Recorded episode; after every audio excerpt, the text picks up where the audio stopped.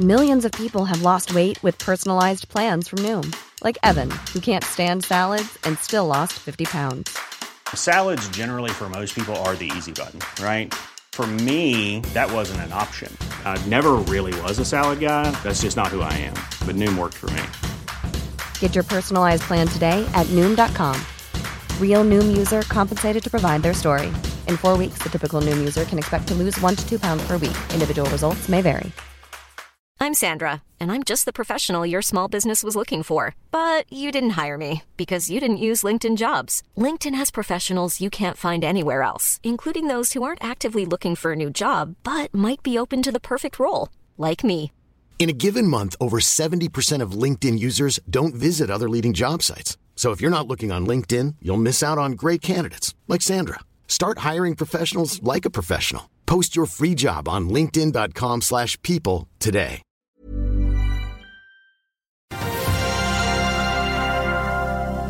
Europris leverer varene, skulle det være. Nordic Mining vil hente penger til Engebø-prosjektet. Og Telenor lover å øke utbyttene videre. Det er torsdag 2. februar. Velkommen til Børsmorgen.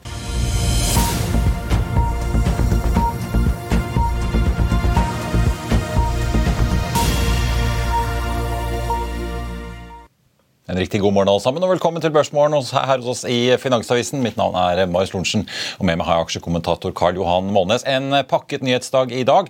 Vi skal fordøye rentemøtet som altså var i USA i går kveld, sammen med sjefstrateg Anders Johansen i Danske Bank hvert øyeblikk. Det er jo en rekke kvartalsrapporter som deiser inn i innboksene i dag, fra selskaper som Telenor, Arctic Simes, Borregaard, Europris, Candia Green Power, Sparebanken Nest, Stolt-Nielsen, Euronav og flere. Og så har vi da de tre store A-ene i USA som kommer senere i dag. Alphabet, Amazon og Apple. Vi skal snakke også mer om Wall Street og Fed-møtet straks. Altså, der eh, får vi si På Wall Street suste jo markedet oppover etter rentedommen i eh, går. Vi så Nasdaq lede an med en oppgang på et par prosent.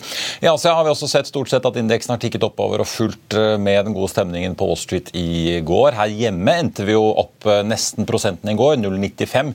Og både DNB Markets og Nordnett venter en oppgang på rundt 0,23 da fra start i dag. Oljeprisen ligger i hvert fall hvis vi ser på nordsjøoljen da, på 83 dollar fatet, så vidt eh, litt i pluss. Den amerikanske lettoljen noe ned til 76,70. SSB er ute med tall for lønnsveksten i fjor. 4,6% endte den på. Det er det høyeste siden 2008. Men det hjelper kanskje ikke så mye når konsumprisindeksen steg 5,8% her i landet i fjor. Så noen reallønnsvekst ble det jo ikke. Ifølge SSB så er det i oljebransjen at lønningene steg mest, mye takket være bonuser. Og så har vi også fått en melding fra fornybarselskapet Scatec, som selger en solpark eh, som heter Uppington i Sør-Afrika for 569 millioner kroner. Og så er det en god del emisjonsnyheter, for som ventet, og som vi tidligere har snakket om eh, her i Børsmorgen, så eh, er det da en emisjon på vei i Nordic Mining. I morges kom også meldingen om at de vil hente inn 66 millioner dollar rundt da 650 millioner norske kroner i en rettet emisjon. Konsernsjef Ivar Fossum sier i en uttalelse at vi skal fullfinansiere Engebø-prosjektet, som blir den første nye mineralprodusenten i Norge på nær 40 år. Interessen fra nasjonale og internasjonale investorer virker å være god. Sitat eh, slutt. Nordic Mining har jo allerede sikret finansiering på totalt 211 millioner dollar og kaller altså inn til ekstraordinær generalforsamling den 28. februar. Tidligere i år og de siste månedene får jeg si, så har vi jo fått en rekke nyheter om leverandørvalg og også kontrakter, langsiktige kontrakter som de har inngått da for å sikre offtake fra Engebø gruven.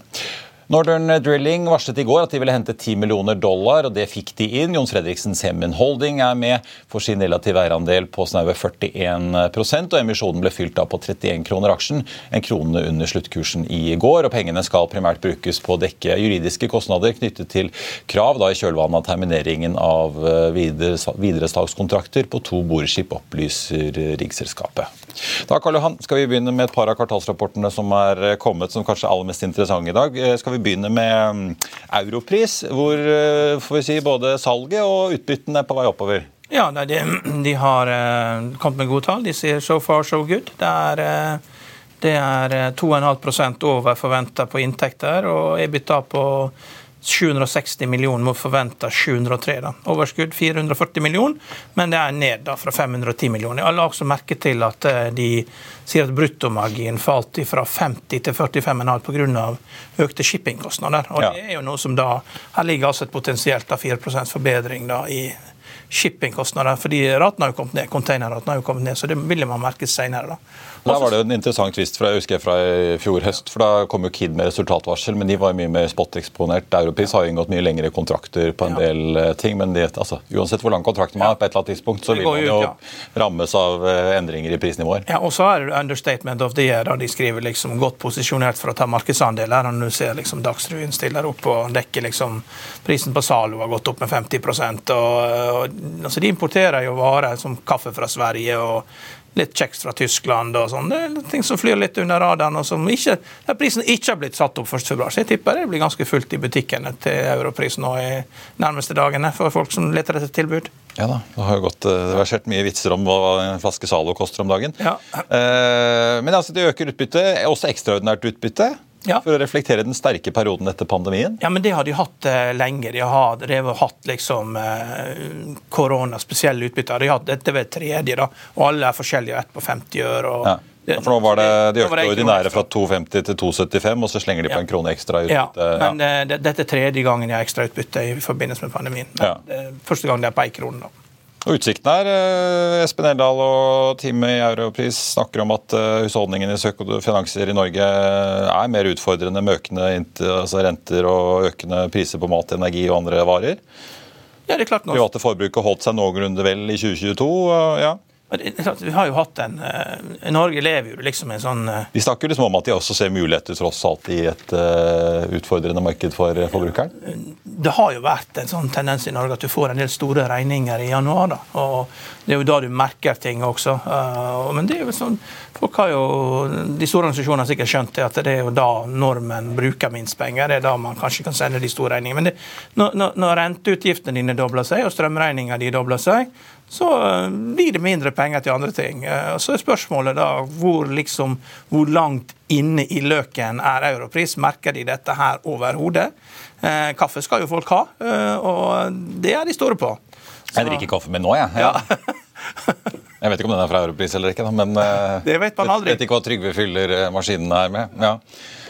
Men eh, nei, altså, så får vi jo se. da, Det er jo alltid viktig for Europris å treffe på uh, varemiksen. Det har vi jo sett før med påskekampanjer, julekampanjer, sommerkampanjer. Ja. Ja. Men det interessante er også at hvis du ser på analytikere, så er det tre kjøp og sju hold. Så folk har liksom, det, er, det, er, forsiktig posisjonering her. da, og alle er jo skeptiske til varehandel.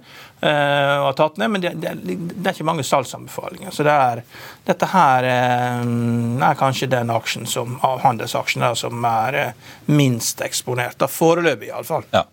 Europris eh, starter opp eh, 4,4% på Oslo Børs i de første tre minuttene av eh, handelen. En annen aksje som starter opp eh, nesten får vi si 4% 3,5 er eh, Telenor, som jeg har fulgt eh, lenge. Jeg var egentlig ganske spent på hva de kom til å komme med, fordi vi har sett konkurrenten Telia tatt tap på nesten 20 milliarder kroner, hvor de skriver ned masse eiendeler som følge av økte renter og kapitalkostnader. De måtte kutte guidingen i fjor høst, eh, som de fikk en kjempesmell på børsen for. Telenor har ikke endret guidingen i fjor. Og Telia skulle også nedbemanne med 1500. Leser kvartalsrapporten fra Sigve Brekke og co. Ingen varsel om noen nedbemanninger, virker det som. De skriver jo ikke noen store nedskrivninger. Og jammen meg så beholder de guidingen, de også. Ingen endringer der. Ja, men de har vel allerede Selv om de fikk en energiregning som økte med en milliard kroner i fjor. Men Telenor har vel tatt ned bemanninga jevnt og trutt. Det er jo mye dyrere å ansatt folk i Norge ikke sant, enn i Sverige. Så Det, det kom et varsel på 400 i Norge, Ja, men altså, ja. det er ikke noe sånn konsern jeg, jeg tenkte kanskje vi får se en sånn stor konsernnedjustering i Telenor også, men det virker det ikke som kommer. Nei, nei, det er forbausende hvor godt man treffer på estimat med en så stor butikk. liksom når du... eh, det liksom, Inntektene ender på 25 milliarder, 25,4, i fjor så var det 24,9. og EBITDA på 10,1 og venter 9,8 og utbytte på 9,40. og Mm. Ja, De øker med 10 øre Ja. 9 det ja. Dette er vel omtrent så stabilt som det er mulig å drive en butikk som dette, så stor butikk som dette er. Så ingen overraskelse. Har ti kjøp, det er ni hold og fire salgsanbefalinger, så eh, relativt balansert. Men aksjen er jo opp da med 13,5 eh, på relativt kort tid. Så det er jo noen som har eh, posisjonert seg da defensivt og sett at dette her, at den har falt for mye. da. Ja, Nå ligger den jo på en 157, men Ja. den har jo falt Ja. til under hundrelappen, og det var vel litt sånn symbolsk surt for Telenor. Ja. Ja. Men det er klart, nå har de også solgt 30% av fiberselskapet og fått, uh, fått 10,8 milliarder på det. og gir en verdi på det på 36 milliarder kroner. Så ja. det skjer ting. Uh, Vi skal bort og snakke med den nye infrastrukturgeneralen Jannicke Iland etterpå. Høre om hun har noen flere dealer på gang med enten det er KKR som de gjorde med fiber og Oslo Pensjonsforsikring eller andre. men det skal de jo, Overskuddspengene derfra skal de jo bruke på å kjøpe tilbake egne aksjer, ja. har de sagt. Ja. Så blir det kanskje mer utbytter hvis de gjør flere dealer på Tårn eller eh, noe i andre land. Ja. Vi får, eh, vi får uh, se, som det heter. Så får vi også se, nå er jo, De tok en kjempegevinst i fjerde kvartal på litt over 30 milliarder på fusjonen i Malaysia. Ja. ja.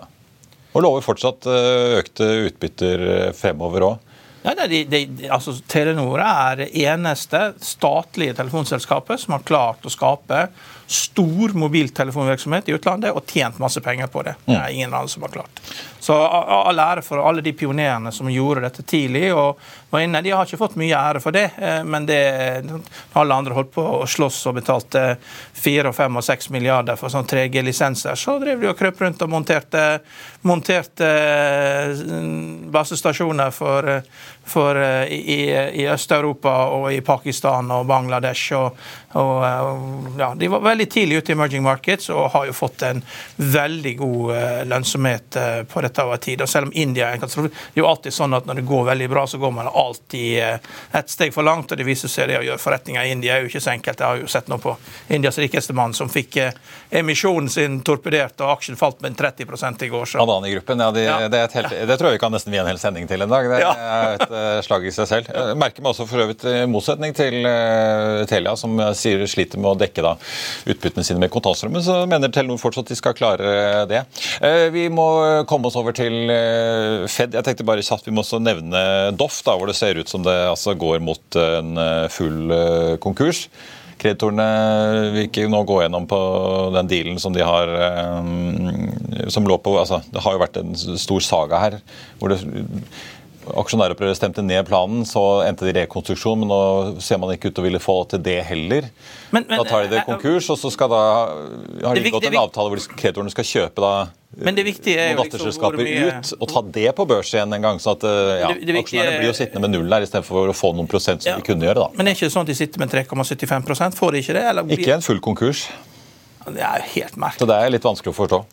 Altså Du går og tar over et selskap, ja, du får tilbud om 4 Nei takk, jeg vil ikke ha 4 ja, jeg vil heller ha 1% Og så vil jeg heller ikke 1 jeg vil heller ha ingenting. Det er jo merkelige greier. Mm. Ja. Det er jo nihilisme av sitt verste slag. Ja. Oslo Børs opp 0,4% fra start. Vi skal ha en kort reklamepause og er straks tilbake med Anders Johansen i Danske Bank.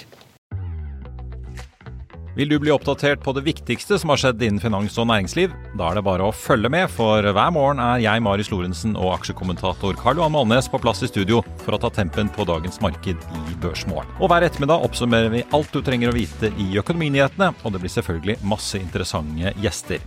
Klikk deg inn på fa.no-tv, eller søk opp Børsmorgen og Økonominyhetene der du hører på podkast.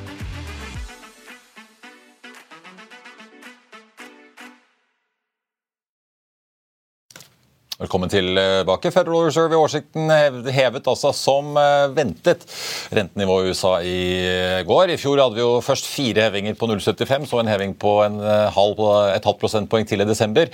Og nå altså opp 0,25 til et nytt rentebånd på mellom 4,5 og 4,75. Og de er ikke ferdige, sa Jerome Powell i går. Renteøkningen var enstemmig i komiteen. Og den amerikanske sentralbanken har da det siste året økt rentenivået med 4,5 prosentpoeng samlet sett. Med oss nå har vi sjefstrateg i Danske Bank, eh, Anders eh, Johansen, med oss fra hovedkontoret i eh, København. God morgen og velkommen. God morgen. Kanskje vi skal, skal vi ta liksom litt av beslutningen først. Altså Jerome Powell sa de har fortsatt ikke sett den fulle effekten av innstrammingene de har gjort. Han sier det er mer å gjøre, passende med flere økninger, og at balansen i Federal Reserve den skal videre ned. Eh, og at de ser at eh, veksten er på vei ned i USA, samtidig som arbeidsmarkedet fortsatt er ganske stramt. Ja, det skriftlige som de kom med før, eller klokken åtte da, før pressekonferansen, var jo egentlig akkurat som eh, forventet. Vi så at markedet knapt eh, beveget seg noe særlig.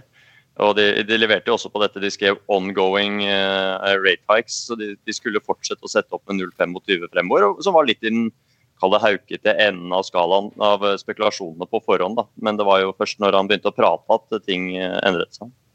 Ja, for vi så jo det ble ganske bra rally etter hvert. Eh, vi så liksom Dow Jones endte liksom stabilt opp, men SMP 500 opp 1% og Nasdaq med mange av de tunge tech-aksjene endte opp en 2% i går. Ja, det var litt sånn som vi snakket om uh, på forhånd, at uh, det er veldig fokus på dette med financial conditions. Altså hvordan rett og slett uh, innstrammingene virker på, det finansielle systemet. Da. Han får alltid spørsmål om det. I går så kom det som det første spørsmålet, faktisk. Helt, helt etter hva vi hadde snakket om. Eh, og, og, Det var egentlig litt sånn lissepasning. Hvis han ønsket å være veldig haukete og stramme inn overfor markedet, så kunne han brukt det og sagt at ja, det er en bekymring at vi ser at financial conditions er blitt såpass mye bedre. Eh, det virker ikke helt som markedet har forstått hva vi mener. Og så kunne han på en måte stramme til der. Han valgte jo ikke å gjøre det, og heller si at uh, faktisk at financial conditions er blitt betydelig strammere over det siste året pga. at, vi at vi har satt opp rentene. Da. Men det tok jo markedet som en tydelig tegn på at ok, de er ikke bekymret over at aksjemarkedet stiger. De ser ikke det som en risiko.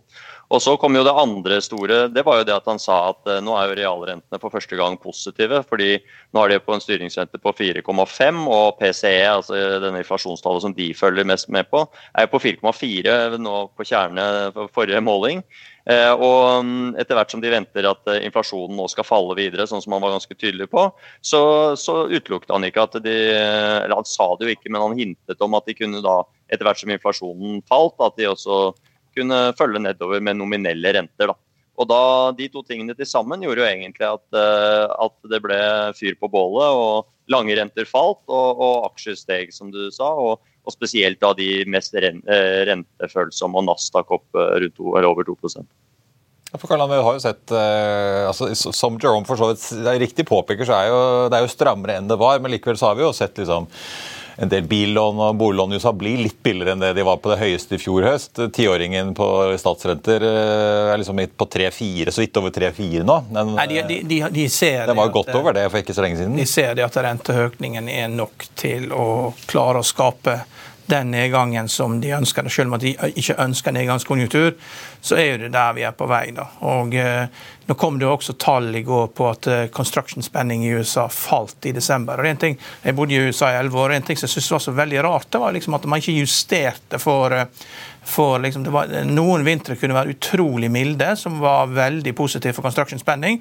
mens andre var utrolig kalde. Eh, for det, ligger jo veldig åpent til. Det er ikke sånn som i Norden at det, det ligger noe vann som sperrer kulden kommer ned. Vi har hatt enorm kulde, og det slår jo ut da på construction spending. og Det er akkurat det de vil ta ned. Så de ser jo at det lunta er på vei og, og brenner godt. og dette smeller, og folk tar ned antall arbeidstimer. Det kom masse statistikk på det også i går.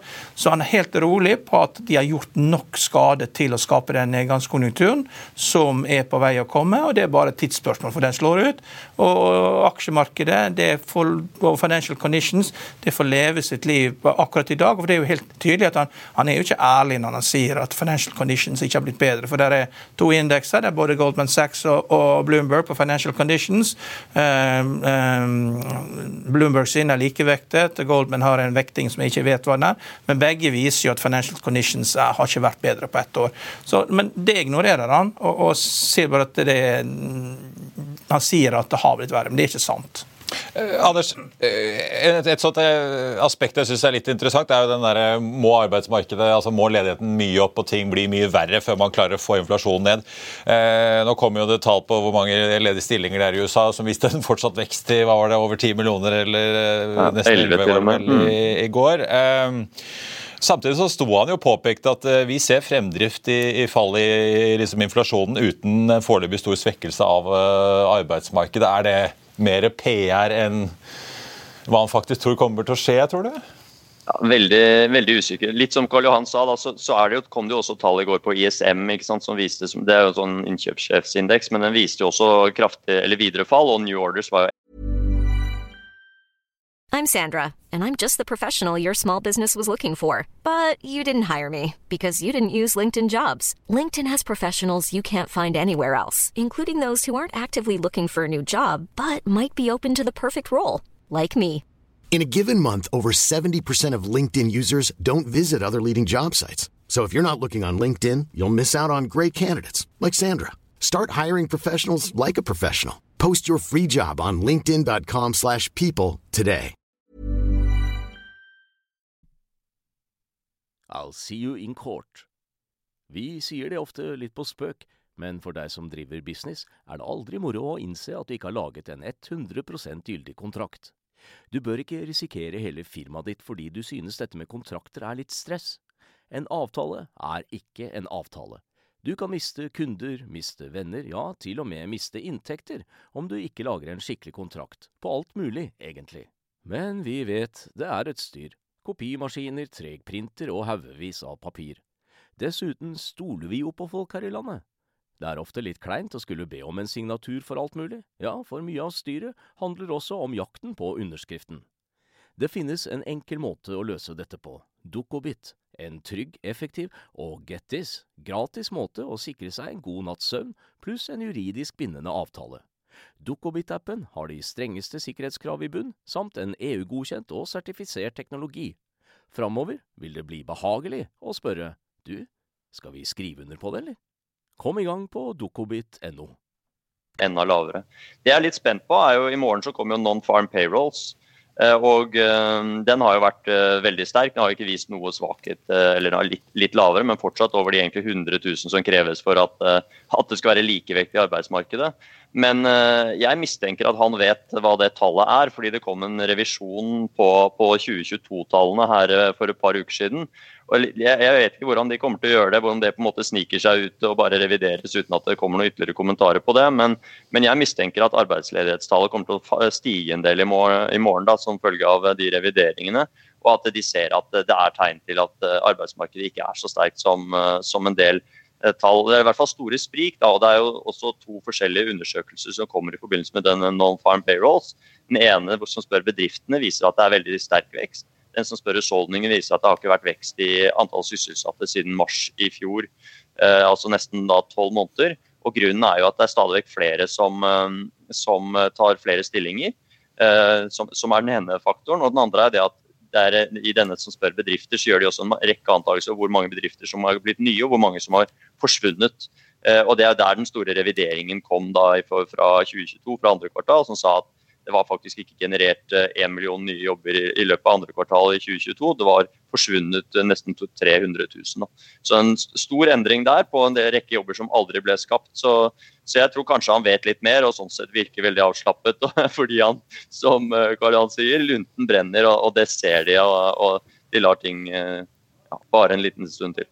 Ja, Nå, var det jo, nå er det jo ventet non-farm på 187 000 omtrent. da, under, Det endte jo på 2-23 desember. Men jeg merket meg jo ADP-tallene for privat sektor som kom her i går, endte jo på 106 000 under langt, under ventet som var på sånn 180-190. Men sjeføkonomen i ADP påpekte at det var jo en sånn flom i California og dårlig vær i Pacific Northwest som gjorde at uh, jobbtallene ble dårligere enn man trodde. Ja, alt dette er veldig lave tall, så du får enorm støy i Så I det, ja. Eh, Anders, jeg tenkte å høre med deg. Nå er det også rentemøte i eurosonen i eh, dag. Vi fikk jo tall tidligere i uken på inflasjonen i eurosonen som eh, falt ned for tredje måned på rad. Endte på 8,5 i januar, ned fra 9,2 i desember. Eh, fortsatt høyt. Hva, hva kan vi vente fra Kristin Lagarde i dag? Er det bare full dobbel eller trippel heving, tror du? Nei, vi, vi tror på en dobbeltheving, vi tror ikke på noe trippelheving. De, de endte jo på det forrige gang også. Det som var det spennende på desembermøtet, var jo at det var første gang Lagarde virkelig tok, eh, tok i litt. da. At hun sa at eh, vi må ha renten høyere lenger. Og, og markedet reagerte jo voldsomt eh, på det, faktisk, eh, da, de, da hun gjorde det. Um, og vi venter vel kanskje at hun benytter anledningen nå til å, til å stamme til litt ytterligere, mens europeisk økonomi klarer seg jo overraskende bra. Veldig mye bedre enn hva man fryktet for, uh, for uh, noen måneder siden. sånn at tankene der er at hun fortsetter å være mye mer haukete da enn det Powell var i går. Fordi USA ligger jo en del lenger frem i, i sykelen her, og ECB må nok en del høyere. da. Så vi venter at de setter opp en 0,5 denne gangen, og faktisk også 0,5 på, på neste møte. da. Ja. Og jeg vet ikke, i USA, jeg må bare til slutt spørre, Jerome ble jo selvfølgelig spurt om veien videre, om det da blir mars og dette vårmøtet som er vel i mai, om det blir da to økninger på en kvart hver videre. Da viste han bare pent til forrige dotplot, som rentemannen kalles der borte, og sa at det kommer nye prognoser på rentemøtet i mars. Mm, ja, men vi tror, vi tror, de kommer til å sette opp to ganger til. 0,25 begge de to gangene. Og det var vel også litt det de siktet til ved å skrive 'ongoing', da. som sånn, sånn var det vi, vi, snakket om i begynnelsen her. Men, men uh, ja, det blir spennende å se hvor fort aktiviteten faller, da. Vi, vi, venter jo ikke at Norges Bank setter opp noe mer, rett og slett fordi vi, vi ser at de renteøkningene som kom i fjor, de begynner å få god effekt i Norge, da. Og det vet vi de kommer til å få i USA også. Det tar bare denne usedvanlige laggen som er tolv måneder, som er utrolig lenge å vente for et uh, aksjemarked. Så det skjer mye i mellomtiden. Så får vi se om det blir eh, rentekutt uh, før jul eller ikke. Anders Johansen med oss fra København, tusen takk skal du ha. Eh, jeg må innom før vi går til reklame bare Horisont Energi, hvor det har kommet nyheter for så vidt både i går, men også på eh, morgenkvisten. Eh, Horisont Energi hadde jo en katastrofal utvikling på Oslo Børs i går. Aksjen endte ned snaue 55% altså mer enn en halvering på en dag, etter da nyheten om at Equinor og Energi takker for seg i Barents Blue-prosjektet i Finnmark. Siste året er aksjen ned 8 den endte i går på 17 kroner og 30 øre, og i går kveld kom det da en flaggermelding om at Øystein Strauss Betalen via da Ferncliff har gått ut, gått ut da med nesten 286 000 aksjer og sitter igjen med 836. Han solgte da for 1852. Privat så har Betalen også solgt alle sine litt over 14 000 aksjer til 19 kroner og 32 øre. Og eh, på morgenkvisten i dag så kom også meldingen om at han går ut av horisontstyret med umiddelbar virkning. Vi ser aksjen nå er ned 2,7% til i dag. Og Like før børsslutt i går så kom det også en melding fra Horisont Energi selv. De kaller nemlig da inn til en selskapsoppdatering i dag klokken tolv norsk tid, hvor eh, selskapet skriver at de vil gi en oppdatering av, eh, etter annonseringen av samarbeidsavtalen eh, med Equinor og Vår Energi har utløpt, og at de har inngått en ny en med den spanske ammoniakkspesialisten Fertiberia. Og den skal da holdes av gründer og administrerende direktør Bjørgulf Auklisæter Eidesen selv. Eh, Barents Blue-prosjektet går ut på å ta naturgass fra Barentshavet, da, gjøre det om til ammoniakk og lagre CO2-en for å få dette til å bli utslippsfritt. Equinor har ikke gitt noen grunn til at de er ute, men skriver da i meldingen sin at de er fortsatt åpne for å sende gass fra sitt LNG-anlegg på Melkøya over til Horisont. Hvis vi derimot ser på situasjonen for Vår Energi, så kan det være noen ting som forklarer hvorfor de trekker seg nemlig at Barents Blue kan ha blitt for lite. Vår Energi sitter nemlig på flere gassfunn, inkludert Alke, Lupa og Goliat i Barentshavet. Per i dag så er det kun oljeeksport fra Goliat, men gassen de sitter på, den må ut på en eller annen måte. Konserndirektør Atle Reinseth i Vår Energi uttalte i en melding fra oljeselskapet i går at sitat, en utvikling av gassressursene vil kreve en eksportløsning med større kapasitet enn det vi ser som realistisk innenfor rammen av Barents Blue-prosjektet. sitat eh, slutt.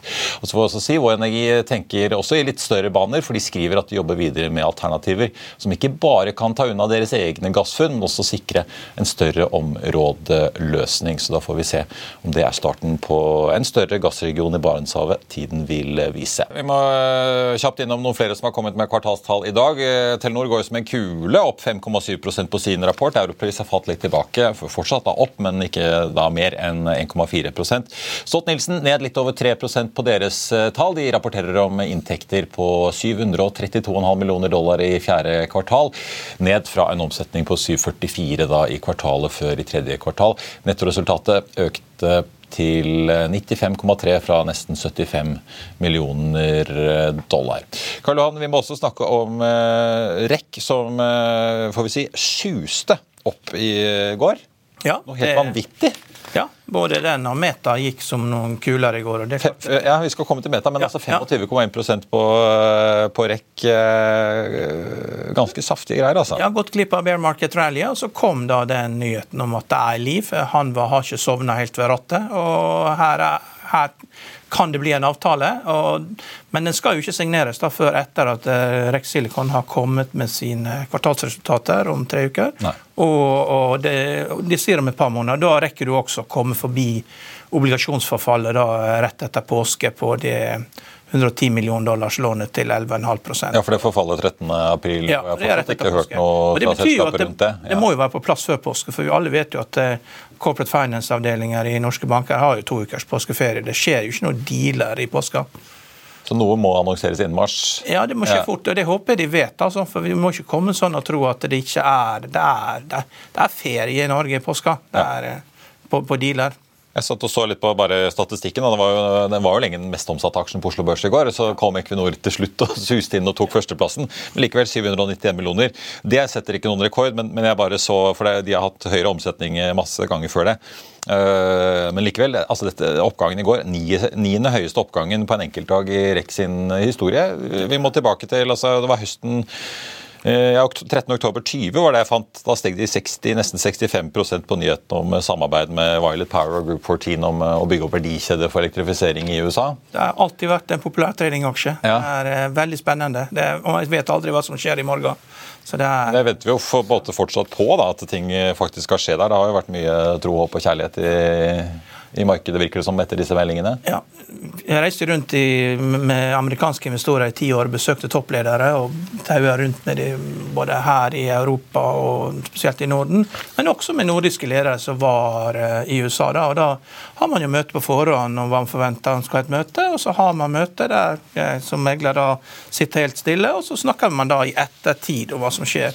Den situasjonen med Rex Silicon der du har et så stort obligasjonsforfall som kommer om to måneder, og selskapet ikke har sagt noe om det, det er veldig alvorlig. Det er ikke normalt. Så, eh, og, og, eh, det er jo bare å se på koreansk businesskultur, der eh, alle de ni styreformene, topplederne, ble jo idømt fengselsstraffer for å ha bestukket presidenten. Og det er en helt annen kultur, og det, det tror jeg vi må ta litt inn over oss. at det de gjør det de kan for å skvise alle underleverandører, og Rex Silicon er i ferd med å bli en underleverandør av Hanva. og det, Da gjelder det å selge seg dyrest mulig. Og makspris, det er jo Selv ikke på strøm i Norge, der at eh, det har vært 1000 gode grunner for å innføre makspris, så har det ikke blitt innført makspris. Så, så hvis da eh, Rex Silicons aksjonærer aksepterer det, så er det liksom det, det, er det merkeligste som skjer. Altså, fordi det er jo hele poenget med å eie denne lille fabrikken, da, som er 0,3 av tilbudssida, er jo hvis Kina faller ut, som er liksom 98 av markedet. og det er klart det er kanskje dobbelt så dyrt å produsere i USA, og da du får ikke levert så mye av dette. men det, det trenger du heller ikke, fordi at det er så knøttliten andel av tilbudssida. Veldig spesiell situasjon, men det går ikke an å sammenligne med noe annet. fordi hvert enkelt marked må analyseres for seg. og Her har du en situasjon hvor eh, det er et stort obligasjonsforfall. og Eh, hovedeieren kan sannsynligvis ikke, ikke ta mer enn en tredjedel av det lånet. for det vil, Da vil du risikere å ende opp med å, å, å måtte, eh, ved en konvertering da, å, måtte legge en bud på selskapet. Det, det virker de ikke være interessert i. De leter etter billig kapital for å finansiere dette. Iallfall ett år til til USA avklarer sin, eh, sin tollpolitikk mot, med, med, sol. Men det, det, er nesten utenkelig at det blir innført barrierer. For det er det samme som å legge ned solindustrien i USA. Det går ikke. Vi holder et øye med den. Eh, vi skal komme til Meta, men jeg må bare innom et par andre kvartalsrapporter som driver litt aksjer i dag. Sparebanken Vest opp eh, litt over prosenten på tallene sine. Banken fikk et resultat eh, før skatt på 840 millioner kroner. Ja, 40 millioner ned fra samme kvartal året før. Nettorenteinntekter økte fra nesten 900 til nesten 1,2 milliarder kroner. Det blir et styre, eller det er foreslått et utbytte på 5,50 per egen kapital kapitalbevis. Og så er det Borregaard. da. Borregaard eh, stiger eh, nesten 6,5% på deres eh, tall. Omsatte for 1,7 milliarder kroner i fjerde kvartal. Opp fra nesten altså 1,5 samme periode året før.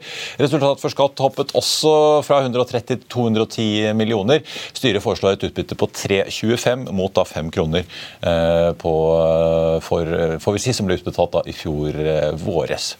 Karl Johan, Meta, som veldig mange venter spent på etter Snapchat-talene i går, og før da Amazon og Alphabet og Apple kommer i dag.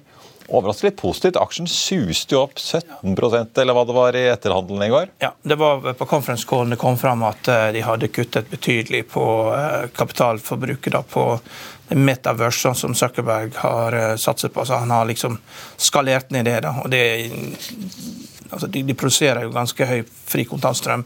Og det var rekordtall også på subscribers, så to milliard eh, Ikke subscriber, men antall brukere. da, ja.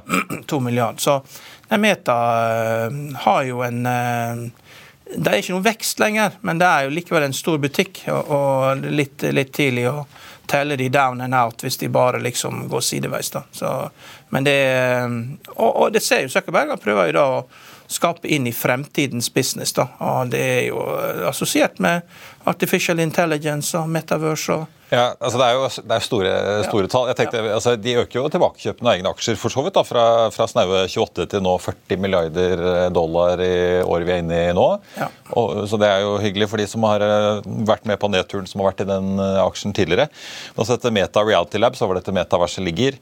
Tapte altså 4,3 milliarder dollar i fjerde kvartal. 13,7 i 2022. De regner med at tapene blir større i år. Ja. Da må man jo håpe at der ute i fremtiden er det en eller annen stor gevinst uh, med virtuelle virkeligheter, holdt jeg på å si. Ja, men, det er jo noen voldsomme summer. Han vet jo det at uh, alle selskaper blir jo disrupted, ikke sant. Så, så da er det bedre å prøve å disrupte seg sjøl enn å sitte og vente på at du blir borte. Ja. han gjør jo et forsøk, da. og nå vet ikke jeg, jeg hørte en god, god, eh, god beskrivelse på liksom artificial intelligence. Det var en som beskrev det som uh, innføring av, av, refrigeration, altså kjøleskapet. da.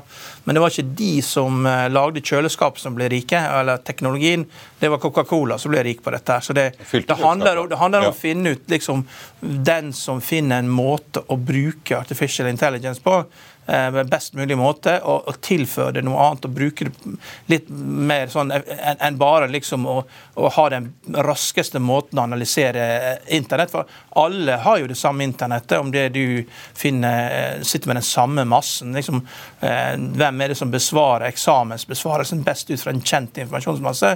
Det er ikke det som avgjør dette her. Det, det, du må tilføre det noe nytt og lage nye produkter ut av det som vi ikke har. Og så fant jeg noen tall. Hvis man, ja. hvis man uh, ikke helt forstår hvorfor Silicon Valley driver og nedbemanner, ja. så, så, er jo Meta eh, et fascinerende ja. på en måte case. da. Uh, altså, Kostnadene deres økte i fjerde kvartal 22 uh, fra et år til et annet. Det liksom, og endte på nesten 88 milliarder dollar for hele 2022, driftskostnadene. Nå guider de da, for neste år selv med en stor nedbemanning på 11 000 ansatte som ble annonsert i fjor, så guider de fortsatt for da 89 til 95. Så de, kostnadene øker fortsatt kraftig. Men det er ned fra 94 til 100 som de guidet med tidligere. Ja, ja. Men dette er jo et børsnotert selskap. Her ser vi jo hva som skjer fra kvartal til kvartal. Hvis du går inn og studerer i ventureindustrien, der det er investeringer i private selskap, så eh, estimerer man det at det er det som normalt sett ville ha tatt tre år da, ved å rydde opp i alle investeringer vi har gjort, tre kvartal det, det, du, får lov, du, får liksom ikke, På børsen så får du ikke lov til å holde på så veldig lenge og surre rundt. Han sa det at det kommer til å ta tre år å rydde opp i alle private equity-investeringer. for det, eh, alle vet at det er bare 10% av disse som blir suksess, og 90% der bare surrer man rundt, og så er ikke man villig til å ta en sånn down round og hente inn kapital til lavere pris, og det medfører seigpining. Mm. Uh, og, uh, så det, det, er mye folk som kan frigjøres der borte, som har uh, det man kaller bullshit jobs. Det er antall ansatte 86 500 ved årsskiftet. Opp 20 og så kutter de da 13 så netto, så er de fortsatt i pluss. Vi får ta det. Takk skal du ha, Karl Han. Det blir eh, masse mer på eh, Wall Street senere i kveld, altså. De tre A-ene kommer. Eh, Alphabet, Amazon og Apple. Og så får jeg også ta med ABG Sundal Collier gjør noen grep i sjømatsektoren. Kursmålet på SalMar øker de fra 4,21 til 5,13. Lerøy tar de og ekker opp fra 63 til 72.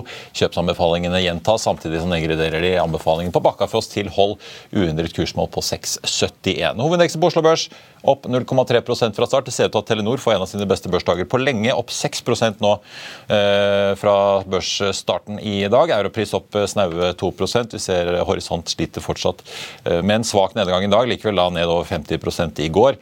REC og Stolt-Nielsen begge ned rundt et par prosent eh, begge to. Borregaard ser også ut til å ha en skikkelig kanondag i dag. Og Det var børsmålen for denne torsdag 2. februar. Husk å få med deg Økonominyhetene 14.30. En sending du ikke vil gå glipp av, for vi skal både snakke med finansdirektøren i Telenor og deres nye sjef for infrastruktur, altså, som har fått i oppgave å realisere noen milliarder fremover. Og så kommer sjefen i PGS hit i studio. Før den tid så får du siste nytt på FA1 og gjennom hele dagen. Ha en riktig god børsdag alle sammen. Takk for nå.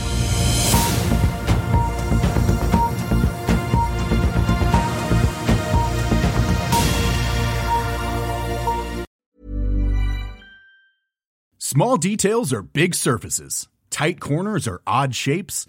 Flat, rounded, textured, or tall? Whatever your next project, there's a spray paint pattern that's just right. Because Rust new Custom Spray 5 in 1 gives you control with five different spray patterns. So you can tackle nooks, crannies, edges, and curves without worrying about drips, runs, uneven coverage, or anything else. Custom Spray 5 in 1. Only from Rust Økonominyhetene er en podkast fra Finansavisen. Programledere er Marius Lorentzen, Stein Ove Haugen og Benedikte Storm Bamvik. Produsenter er Lars Brenden Skram og Bashar Johar. Og ansvarlig redaktør er Trygve Hegnar.